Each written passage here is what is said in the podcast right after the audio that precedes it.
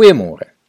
In sy boek Daring, Trusting Spirit, vertel die teoloog John de Gracchi die aangrypende verhaal oor die lewe van Eberhard Betge, wat as boesemvriend van die Duitse teoloog Dietrich Bonhoeffer dit sy lewenstaak gemaak het om Bonhoeffer na sy tragiese dood aan die wêreld bekend te stel.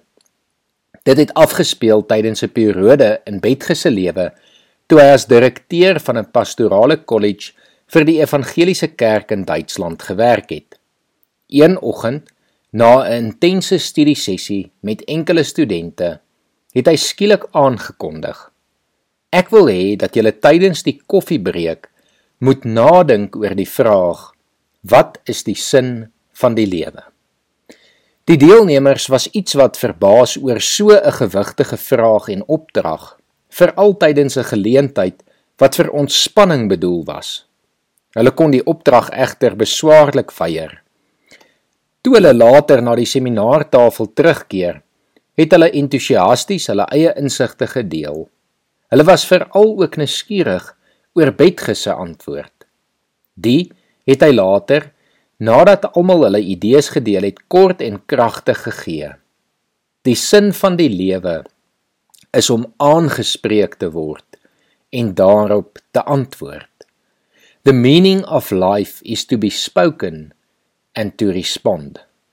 Met die antwoord wou Betge sy studente bewus maak van die lewe as 'n ryk gawe, ook van die belang van ons ontmoetings met ander en die verantwoordelikheid wat dit meebring.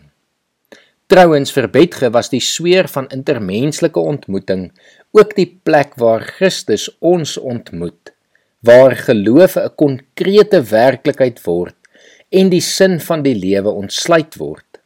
Soos die Kritchie dit stel, the essence of life for Betge was found in relationships, for it was in encountering others and responding to them that Christ became reality community became possible and life found its purpose.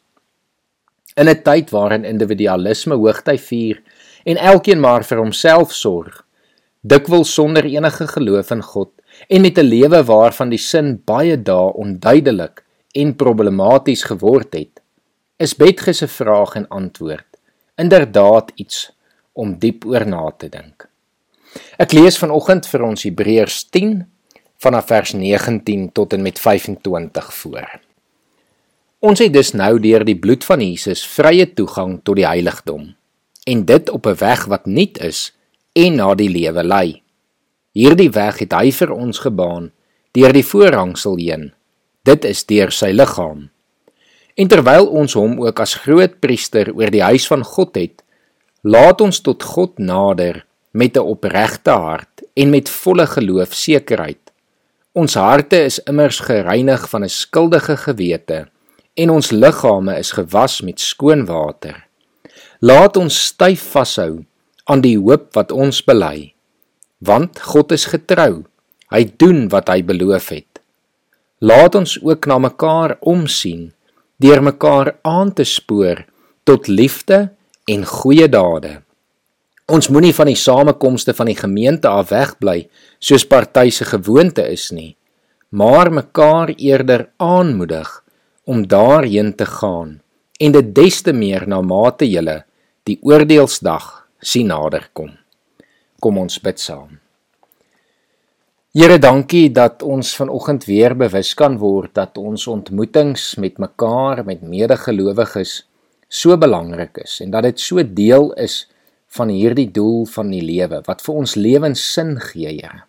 Here en daarom kom bid ek en vra dat U vandag almal se ontmoetings sal seën en dat ons as gelowiges 'n seën tot ander sal wees. Amen.